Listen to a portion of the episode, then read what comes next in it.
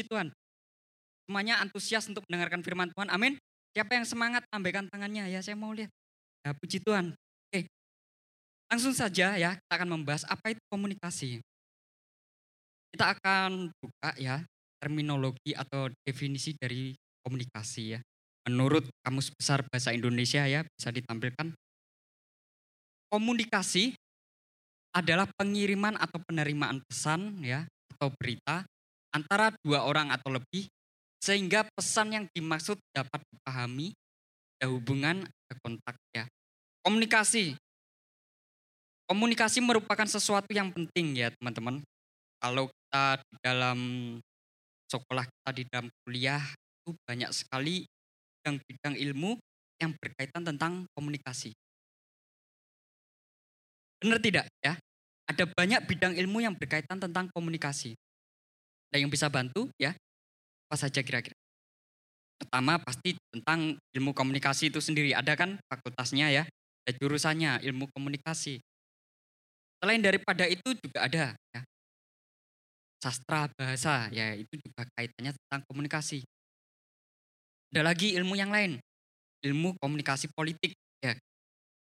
Ya, Lalu ilmu komunikasi manajemen juga ada. Bahkan di dalam berbagai bidang, dalam berbagai sektor, komunikasi itu sangat amat-sangat. Kita mau mendorong anak-anak muda di tempat ini ya, memiliki leadership yang bagus. Dimulai dari cara berkomunikasi yang bagus. Tepatnya ya, saya mau sedikit bercerita uh, kurang lebih tiga minggu yang lalu ya. Tiga minggu yang lalu, uh, Kediri dan uh, kantor wilayah saya yang di Malang ya, itu ada kunjungan dari direktur ya. Ya ada kunjungan dari direktur. Pasti kalau ada kunjungan dari direktur apalagi ya sekelas perusahaan BUMN itu pasti kita semuanya ya uh, mempersiapkan diri sedemikian rupa. Makanya banyak sekali kesibukan-kesibukan pada saat ya ada direktur mau datang, kita persiapan-persiapan semuanya mempersiapkan diri sebaik mungkin sehingga apa yang menjadi uh, wacana, apa yang menjadi tugas-tugas itu semuanya bisa berjalan dan saat monitoring semuanya berjalan dengan baik. Lalu pada saat itu sambil saya menunggu ya direksi itu datang lewat kotak diri. Jadi yang hanya dilewati ya sebenarnya bukan dilewati ya sempat untuk hadir untuk sosialisasi dan rencananya juga mau hadir di unit kerja pada saat itu mempersiapkan diri. Di tengah-tengah saya waktu menunggu ya, saya berbincang-bincang dengan San ya, ngobrol.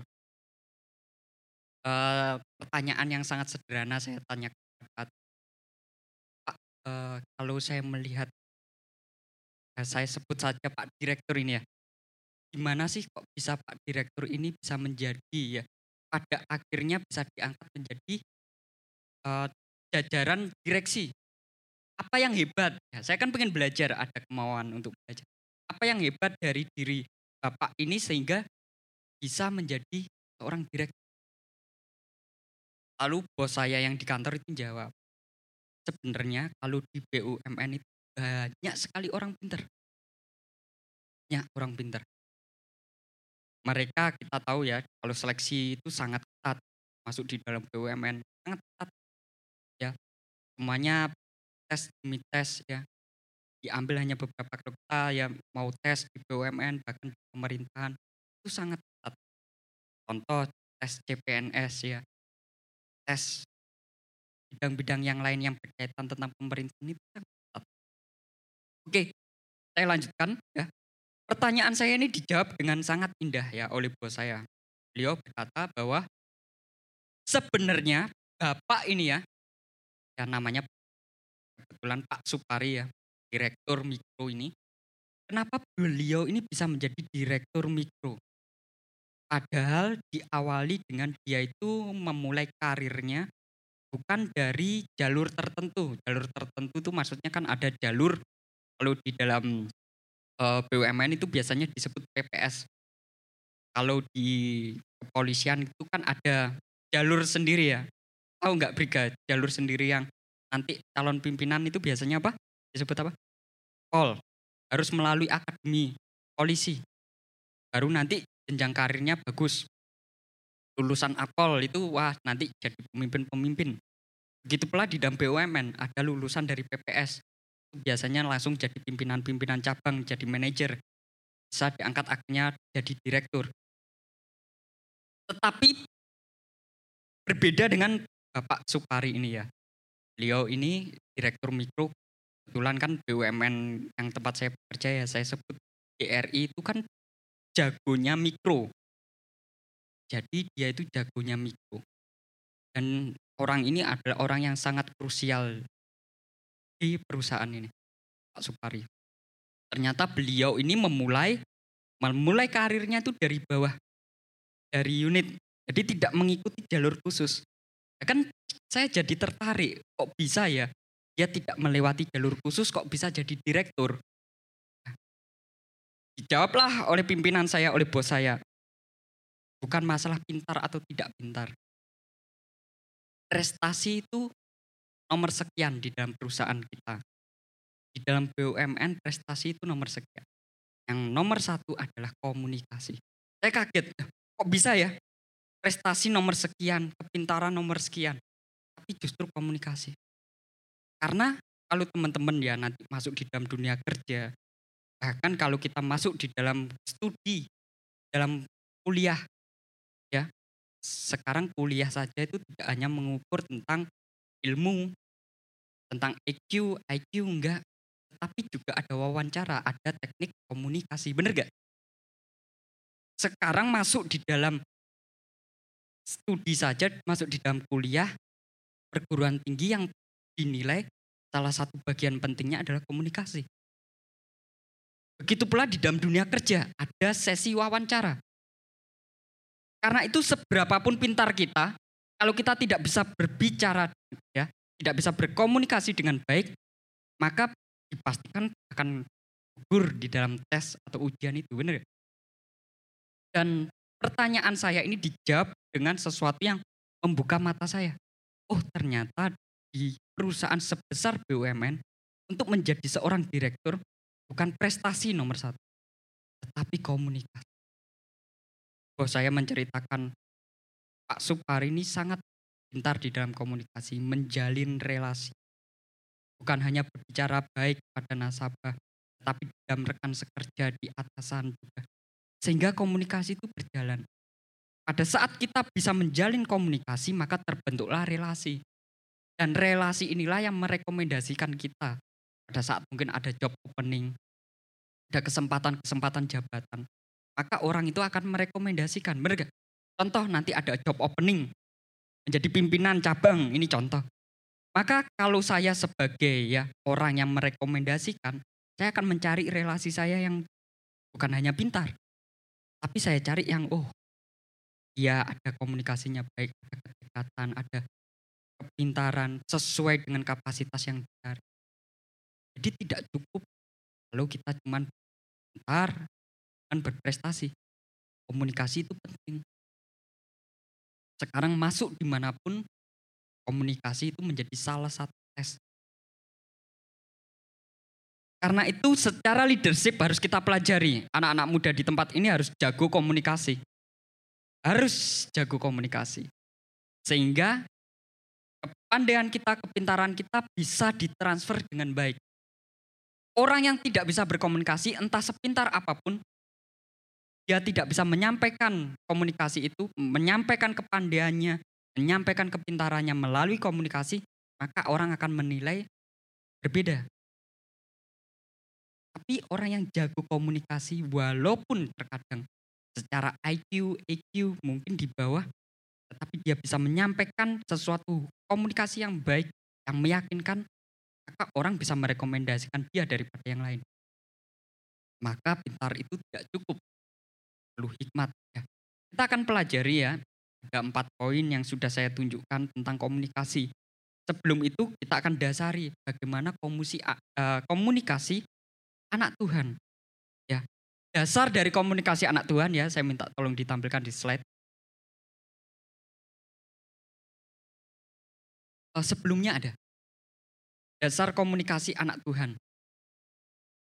Oh kalau tidak ada, ya oh ini sudah ada. uh, ini nomor satu seharusnya dihilangkan dulu ya. Oke, nggak apa-apa. Di sini ada dasar komunikasi anak Tuhan. Ya. Dasar komunikasi anak Tuhan itu pertama harus honest atau berisi tentang kejujuran. Bapak Gembala sudah menyampaikan ini bahwa kita harus honest, ada kejujuran. Yang kita sampaikan bahasa komunikasi kita adalah bahasa komunikasi yang jujur. Yang berikutnya adalah hikmat. Jangan kita berkomunikasi sesuatu yang tidak baik. Ya. Berisi hal-hal yang kategori sampah. Hal-hal yang tidak perlu. Tapi komunikasi anak Tuhan harus berisi hikmat. Mungkin kita berkomunikasi secara sederhana tetapi isinya ada hik ada hikmat. Dan yang terakhir Dasar komunikasi anak Tuhan harus te, harus tegas. Tegas itu bukan hanya tentang suara, tentang intonasi. Nanti kita akan belajar. Intonasi bukan berarti ketegasan. Contoh orang ngomong keras itu berarti tegas. Belum tentu. Tegas itu adalah pemilihan kata. Tegas itu adalah kelugasan. Ya. Dalam firman Tuhan bahkan disebutkan lemah lembut. Seakan-akan seperti kebalikan dari suara yang keras suara lemah lembut. Tetapi justru itu maksud ketegasan. Lemah lembut. Kata-katanya manis, tapi bisa mengubahkan. Kita dasari dengan firman Tuhan ya. Amsal 16 ayat 13. Amsal 16 ayat 13.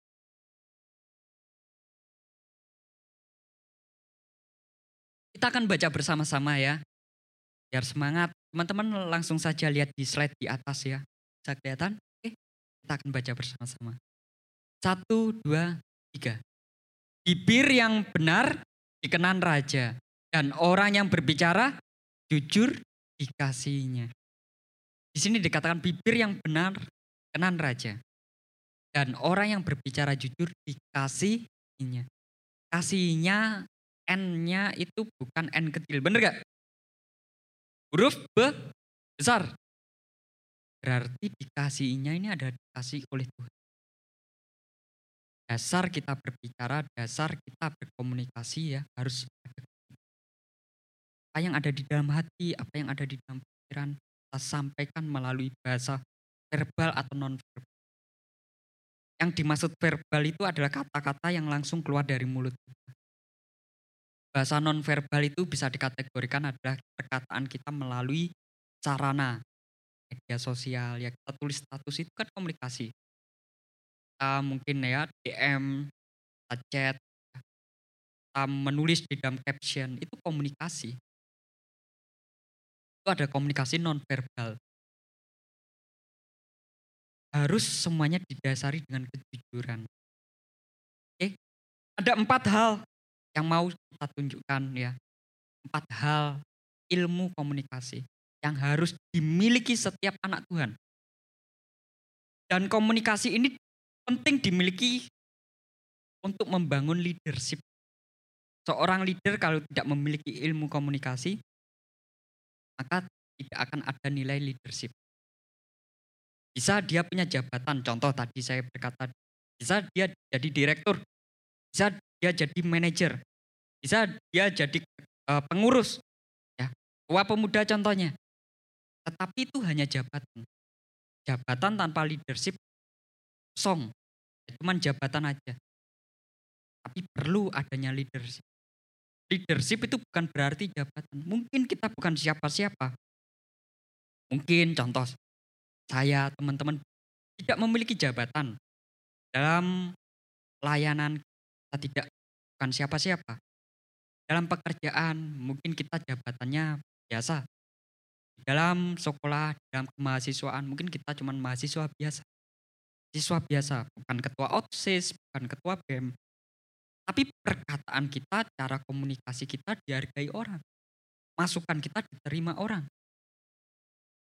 Jadi bukan berarti tentang jabat. Yang pertama, narasi. Definisi dari narasi ya, saya mau tunjukkan ya. Narasi. Saya akan bacakan ya. narasi itu adalah komunikasi atau perkataan yang bersumber dari buah pemikiran. Jadi narasi itu adalah perkataan yang keluar sumbernya ya dari buah pemikiran ataupun hati.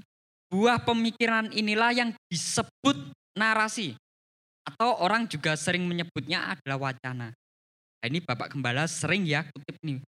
Orang itu harus berwacana, harus punya wacana yang luas, wawasan yang luas. Seorang ya, seseorang yang kurang narasi atau wacana maka akan cenderung tidak kuat dalam berkomunikasi.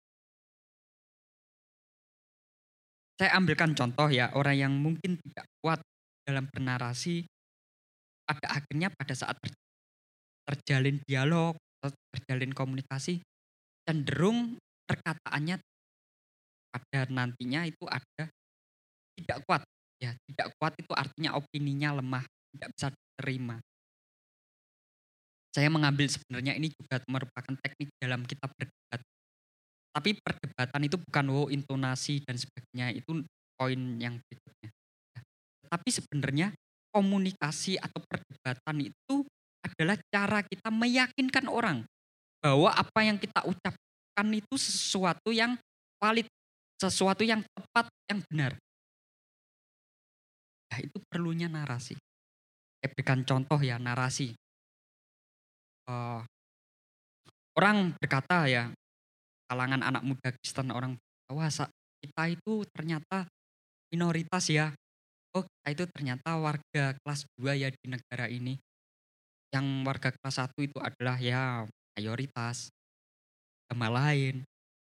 Kita siapa ya. Sering kan hal-hal ini terjadi di kalangan kita. Di sekolah mungkin kuliah, bahkan mungkin perkumpulan-perkumpulan ibadah pemuda. Bisa jadi hal-hal ini terjadi. Adalah contoh orang yang tidak punya narasi yang benar atau narasi atau wacana yang luas. Karena dia tidak meneliti terlebih dahulu. Pengetahuan di belakangnya, wawasan di belakangnya ternyata tidak luas. Sehingga dia hanya mengutip perkataan dari orang, wow orang menjudge dirinya minoritas, akhirnya itu yang diucapkan. Padahal tidak. Harusnya dia itu mempelajari terlebih dahulu. Dia mempelajari, apakah benar ya kita minoritas? Pelajari dari populasi dunia. Apakah jumlah orang Kristen itu kalah dengan yang lain? Ternyata tidak, benar gak? Jumlah kita paling banyak orang Kristen di dunia. Kan bukan, bukan minoritas. Apakah kita warga kelas 2? Warga kelas 2 itu diukur dari mana? Harus dipelajari dulu. Oh warga kelas 2 itu adalah warga yang tidak terlibat langsung. Mungkin warga yang dianggap rendah. Ternyata tidak. Selama ini tidak ada orang yang menganggap kita rendah. Dari zaman kemerdekaan sampai sekarang orang-orang Kristen adalah orang-orang yang berperan dalam kemerdekaan.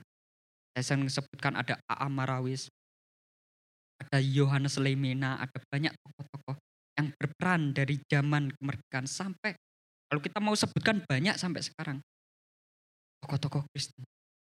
Jadi wacana atau narasi yang sempit ini membuat orang itu saat berkomunikasi akan tidak ada kekuatannya. Lemah, cenderung lemah. Makanya orang yang tidak punya wawasan yang luas pada saat berkomunikasi komunikasinya itu tidak bisa meyakinkan. Tetapi kalau orang itu pintar, dia bisa punya wawasan yang luas apa yang dia katakan itu ada kata yang valid, narasinya luas, maka orang akan menghargai. Contoh lagi ya, di dalam dialog di warung-warung kopi, banyak nggak orang dialog tentang politik? Pasti banyak, bener gak? Oh presiden harus gini, oh menteri harus gini, oh pemerintah harus gini. Tetapi terkadang narasinya sempit. Makanya lingkupnya kecil. Tetapi kalau wacananya besar, narasinya ada narasi yang besar, pengetahuannya ada pengetahuan yang besar, maka forum yang digunakan pasti bukan forum yang kecil, pasti forum yang besar. Penting orang itu untuk memiliki wawasan yang luas. Karena itu anak-anak muda di tempat ini saya dorong ya. Di bidang-bidang kita, kita itu harus tahu tentang detail, mempelajari, sehingga pada saat teman-teman berdialog, contoh saya berdialog dengan teman-teman musik. Kalau saya tidak mengetahui tentang musik, ya, wacana saya sempit tentang musik, maka pada saat saya menganjurkan, mereka akan bisa membantah perkataan saya. Contoh, oh Briga mainnya, ya, hari ini banyak yang fals, tapi saya nggak tahu esensi dari fals. Contoh ini, ini contoh aja ya Briga. Kalau Briga nggak akan sakit hati ya, contoh. Contoh, mungkin kalau Briga menganggap diri saya, wah Kak Sigit itu nggak tahu kalau padahal mainku oke. Tetapi ya, saya punya wacana yang besar, saya punya narasi yang besar, saya bisa tunjukkan, oh fals tadi kamu di part ini, yang harusnya ya semuanya masuknya di do, kamu masuknya di fa ya. Mungkin secara apa harmonisasi mungkin bisa benar ya. Keyboardnya masuknya do on fa, bassnya masuknya fa, tapi ternyata pada saat itu keyboardnya cuma masuk di do, nggak ada do on fa, dia masuk di fa, makanya kita sebut fals. Kalau omongan saya ini ada narasi yang kuat, ada wacana yang kuat, maka saya bisa omongan saya ini bisa diterima, bener gak? Karena detail, ada wacana yang kuat. Tetapi kalau kita hanya berkomunikasi tidak ada wacana yang kuat, maka tidak akan bisa. Contoh saya minta, oh hari ini kita direkam ya. Terus tiba-tiba Mika kata, kak nggak bisa direkam. Kenapa nggak bisa direkam? Ya karena nggak bisa direkam. Katanya akan kalah kalau saat saya menyampaikan narasi yang itu nggak bisa direkam. Kenapa? Oh karena kita nggak ada alatnya. Apakah nggak ada alatnya? Kalau nggak ada alatnya, kasih solusi. Ya pakai kamera apa? Ya mungkin kamera yang biasa simpan. Setelah itu dimasukkan di mixer kamera setelah di mixer kamera dimasukkan di laptop, direkam suaranya. Untuk gambarnya kalau mungkin tidak bisa hanya diambil suaranya. Jadi pengetahuan itu sangat penting. Makanya di dalam firman Tuhan, ya saya mau dasari dalam firman Tuhan cepat saja ya. Karena kita harus segera selesai, tidak boleh panjang. Amsal 31 ayat 26. Saya akan bacakan cepat ya. Ia membuka mulutnya dengan hikmat pengajaran yang lemah lembut ada pada lidahnya. Ngomong harus berhikmat. Orang bisa menilai. Kita ngomong dengan siapa pun kalau kita ada hikmat, orang itu akan respect, menghargai kita. Benar gak? Itu leadership. Ya, ilmu komunikasi. Berikutnya di dalam kisah para rasul 6 ayat 10. Cepat saja. Baca. Tetapi mereka tidak sanggup melawan hik hikmatnya. Nggak sanggup. Saking dia itu pinter, ada hikmat, tidak bisa dibantah perkataannya. Karena ada pengetahuan, ada hikmat detail, narasinya kuat. Dan roh yang mendorong dia roh kudus. Roh kudus adalah roh yang memberikan kita hikmat. Karena itu Yeremia selalu berkata, Tuhan kau taruh perkataanmu dalam mulut tidak anak. Doa Yeremia. Dia selalu mengajak peranan roh karena di dalam setiap perkataan kita biarlah hikmat Tuhan saja yang benar. Amin. Ya, semuanya sudah bisa terima nomor satu ini. Amin. Oke, nomor dua. Nomor dua, berbicara tentang redaksi. Setelah narasi, redaksi. Apa kak itu redaksi? Ambilkan slide-nya.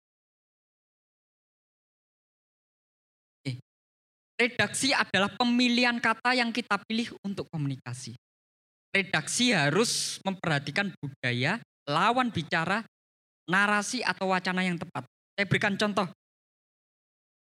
Redaksi ya, ini kemarin kita ya sedikit bahas dengan tim rebana ya. Sedikit bahas dengan kakak-kakak juga yang apa terlibat dalam youth.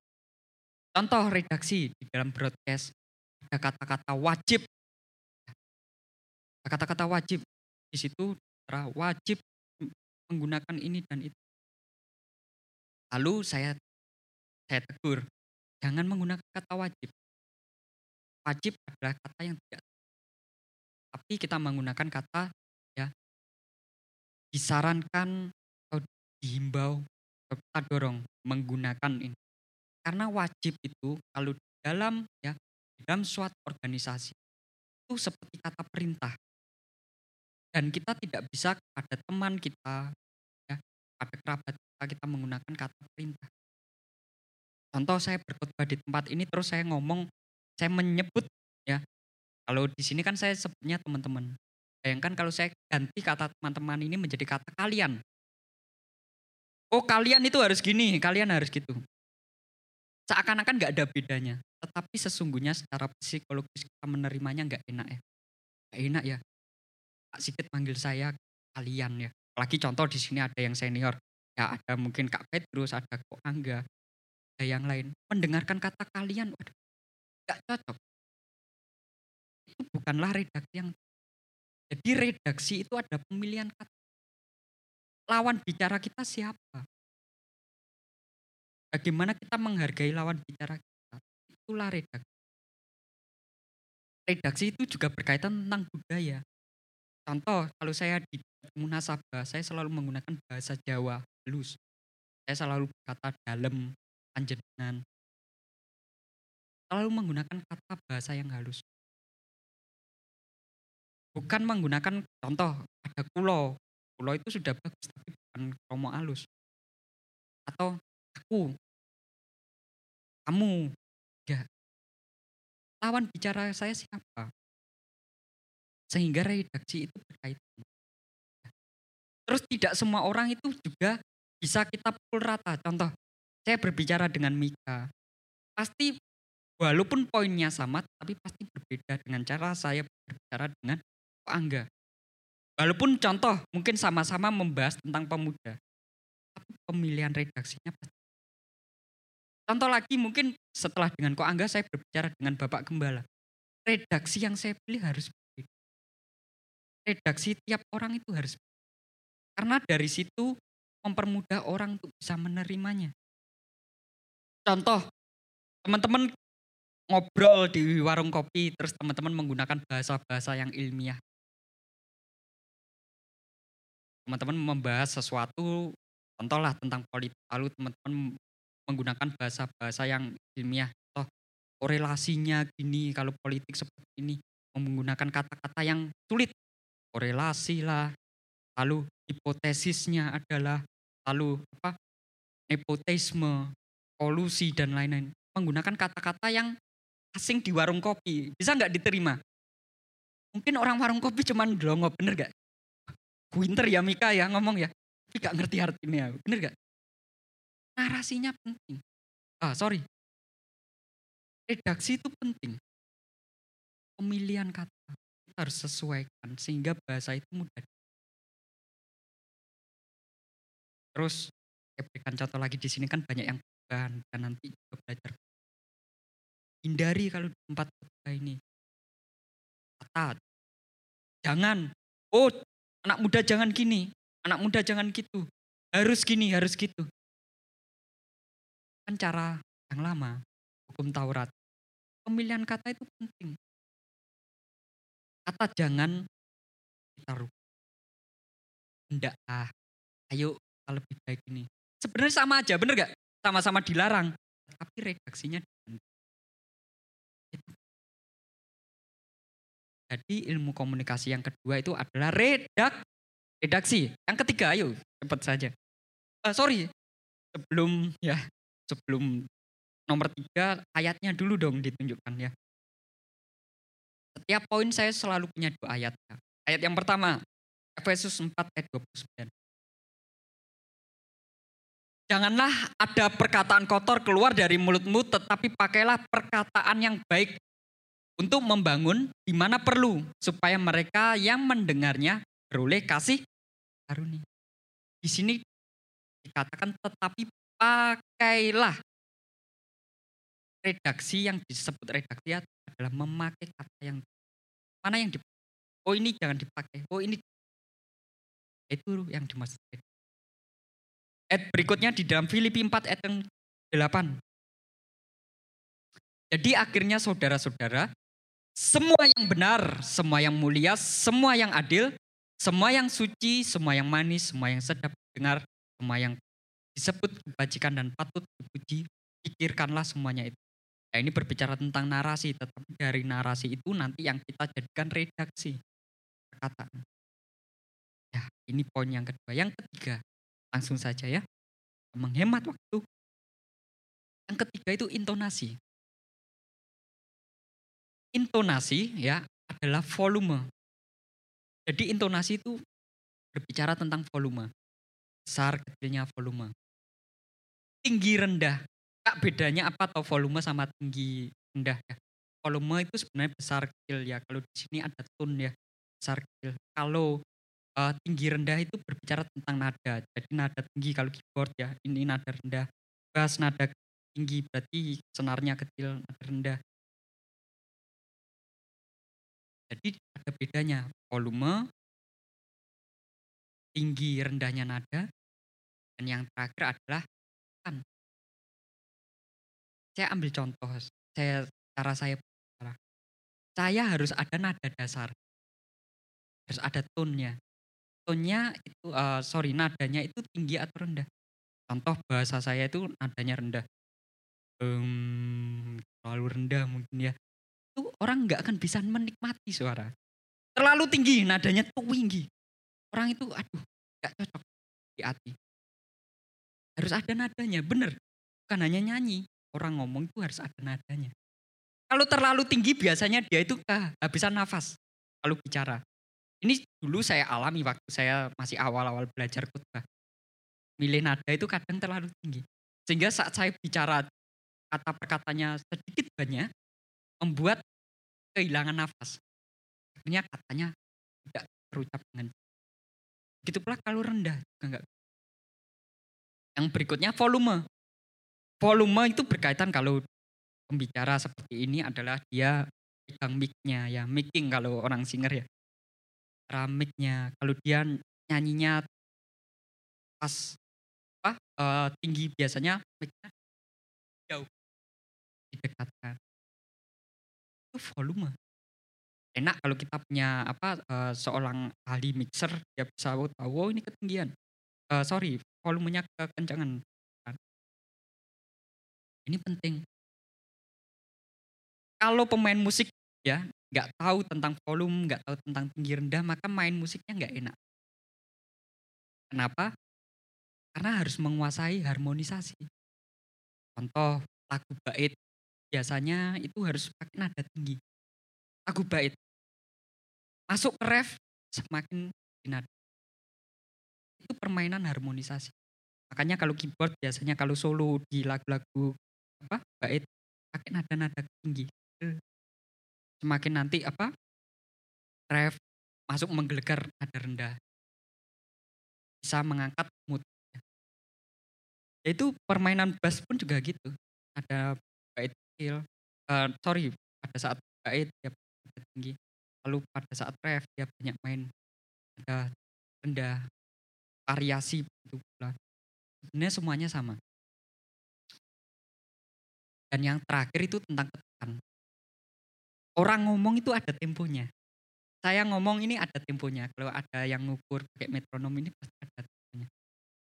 Dan saya usahakan antara saya berhenti berbicara dan saya berbicara ada temponya.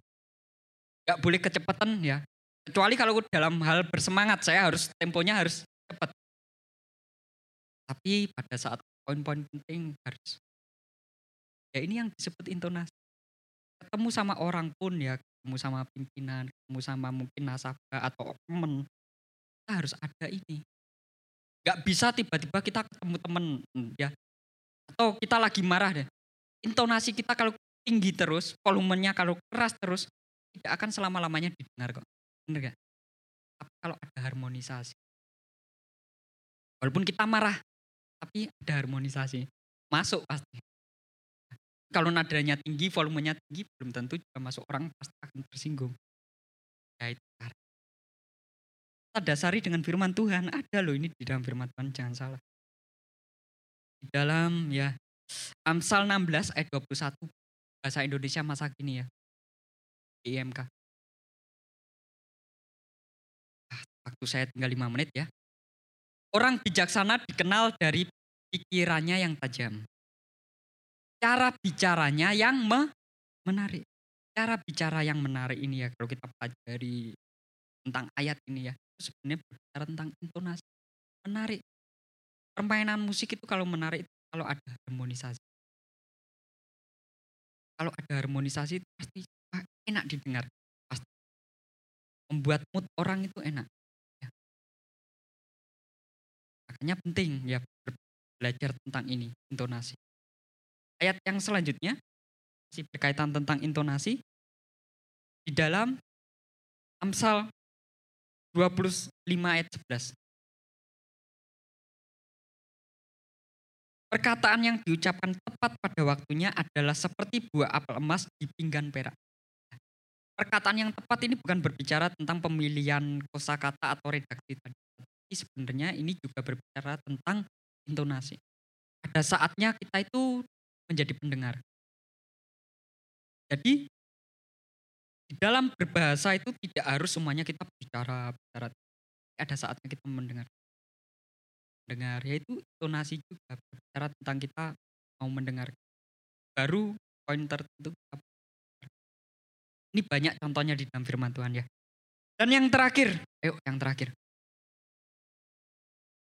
Poin keempat ya. Interaksi definisi dari interaksi segera ditampilkan saya bacakan ya Interaksi adalah tindakan komunikasi terhadap lawan bicara untuk saling mempengaruhi. Interaksi selalu berkaitan tentang atau dengan situasi kondisi. Biasanya didukung dengan body language, media, alat yang menunjang komunikasi. Jadi interaksi itu adalah secara dua arah terjadi pengaruh. Penting adanya di dalam komunikasi itu kita bisa memberikan pengaruh Itulah yang disebut interaksi. Adanya pengaruh. Jadi orang yang menerima komunikasi kita itu bisa terpengaruh. Kita dasari dengan firman Tuhan ya. Di dalam pengkhotbah 3 ayat ke-7. Ada waktu untuk merobek, ada waktu untuk menjahit, ada waktu berdiam diri, ada waktu berbicara.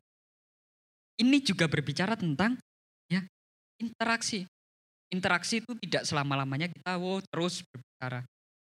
Tetapi terkadang orang yang dalam interaksi dia banyak mendengar, terkadang justru itu bisa direspek sama orang. Contoh, saya berbicara sama atasan itu saya biasakan untuk banyak mendengar.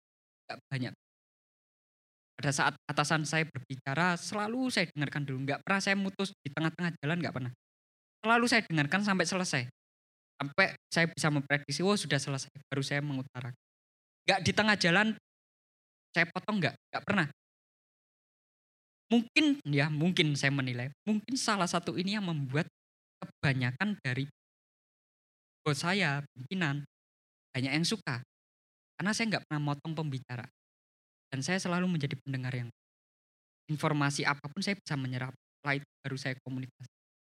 Gak tiba-tiba setelah saya ngomong tiba-tiba saya langsung jam enggak. Saya dengarkan dulu. Oh maksudnya seperti ini maunya seperti saya bisa menjawab sesuatu yang tepat. Itu interaksi. Kalau masih kurang ditunjang dengan body language. Contoh kayak malam hari ini saya berbicara, saya jalan gini sebenarnya juga untuk adanya interaksi. Kalau saya hanya di sini saja teman-teman mungkin wah pesan dalam sudut pandangnya konsentrasinya pasti nanti terganggu. Ya satu saja, teman-teman bisa teralih handphone dan tapi kalau saya jalan, teman-teman akan cari, akan memperhatikan. Tatap muka ini, melihat. Berbicara itu harus menatap mata. Jangan di atasnya, lalu juga jangan di bawah. Jangan lirik kanan, lirik kiri. Lirik kanan itu bohong biasanya. Ngarang, lirik kiri biasanya mikir. Yang psikologis tahu ya pasti ya. Kalau kita diwawancarai kerja, tatap mata, jangan lirik kanan, pasti dikira bohong. Jangan lirik kiri berarti masih mikir ini. Jangan lirik bawah berarti enggak pun. Jangan lirik atas, atas dikira kita ini mengarang sesuatu yang mungkin menjatuhkan. Ada psikologisnya. Dan interaksi itu biasanya juga ditunjang oleh media. Atau saya kasih slide ini tujuannya adalah teman-teman biar nggak bosan bisa menerima informasi. Inilah empat poin yang mau saya bagikan tentang komunikasi. Penting kita semuanya milik. Ya. Yang pertama tadi adalah apa? Masih ingat? Narah, narasi. Yang kedua, re, redaksi. Yang ketiga, intonasi. Yang keempat, yang keempat apa? Interaksi. Ya. Belakangnya si, ya udah. Yang pertama adalah nah, narasi. Kedua, ketiga, keempat, interaksi. Oke. Saya yakin teman-teman pasti dengan apa yang saya sampaikan ini semuanya bisa menerima. Puji Tuhan. Ya. Saya mau tunjukkan gambar terakhir ya. Orang yang bagi saya secara pribadi jago, sangat jago berkomunikasi. Namanya adalah Bung Karno. Kenapa bagi saya beliau ini orang yang paling jago berkomunikasi? Karena pertama, Bung Karno ini bisa diterima semua kalangan. Bukan hanya berbicara tentang orang-orang yang besar, enggak. Rakyat kecil pun juga bisa menerima Bung Karno. Bung Karno bisa menyesuaikan dengan siapa lawan. Dengan orang yang pintar-pintar, Bung Karno juga bisa. Bahkan Bung Karno ini sering mengutip firman Tuhan. Tetap sering mengutip. Al-Quran sering kutip. Hindu juga dia sering kutip. Ya. Jago, dia menyesuaikan tempatnya di mana tempatnya disesuaikan. Bung Karno ini juga diterima oleh kalangan pertama kalangan demokratis, kapitalis atau barat. Ya. Blok barat terima sama Bung Karno. Blok timur, komunis, juga terima sama Bung Karno. Padahal komunis sama uh, demokratis atau sesuatu yang uh, uh, sorry sosialis sama demokratis sebenarnya bertolak belakang. Tapi Bung Karno bisa diterima. Di Barat diterima sama Uni Soviet juga diterima di Amerika diterima, di Rusia diterima. Hebat. Bung Karno. Begitu pula kalau Bung Karno pidato, nggak ada orang yang tidak melihat aja bu intonasinya.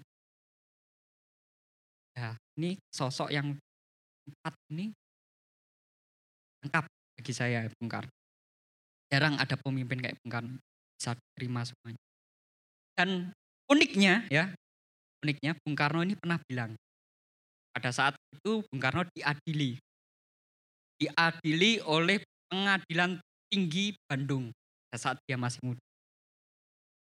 Pengadilan tinggi Bandung itu kan Belanda ya. Yang mengadili adalah orang-orang. Pada saat itu Belanda bertanya, Hei kau, ya, apakah engkau ini seorang revolusioner? Bertanya, pada saat itu kan diadili.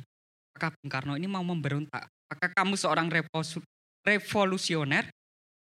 Bung Karno menjawab, ya saya adalah seorang revolusioner. Berarti ya, ini hakimnya bertanya, berarti kamu mau melakukan revolusi dengan bom, dengan senjata? Bung Karno menjawab, tidak. Saya tidak berevolusi atau revolusioner yang menggunakan bom atau senjata.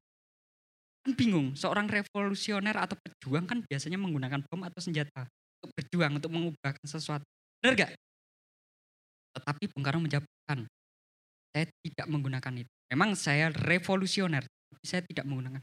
Loh, bagaimana bisa kamu seorang revolusioner tidak menggunakan bom atau senjata?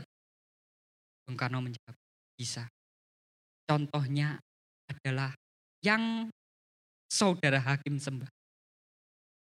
Yesus dari Nazaret. Kaget semuanya pada saat itu orang-orang bilang, kok bisa? Itu Yesus dari Nazaret. Dia seorang revolusioner.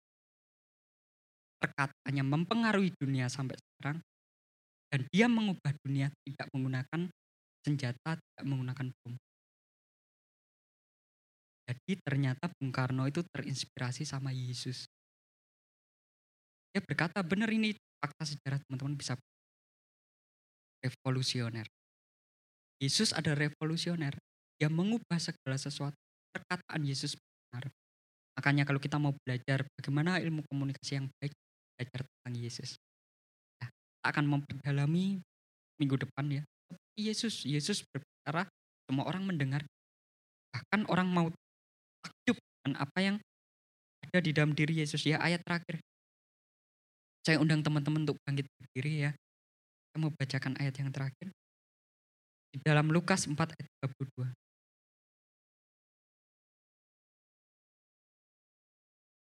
Lukas 4 ayat 32. Mereka takjub mendengar pengajarannya sebab perkataannya penuh kuasa. Kita baca ya sekali lagi ya bersama-sama. Satu, dua, tiga. Mereka takjub mendengar pengajarannya sebab perkataannya penuh kuasa. Inilah Tuhan Yesus. Dialah revolusioner. Melalui perkataannya mengubah segala sesuatu. Melalui perkataannya mem mempengaruhi segala sesuatu. Mengubah kiranya melalui teladan Yesus itu boleh ada di dalam kehidupan kita. Sehingga kita bisa berkomunikasi sama seperti Yesus berkomunikasi. Amin. Akan pujikan pujian ya.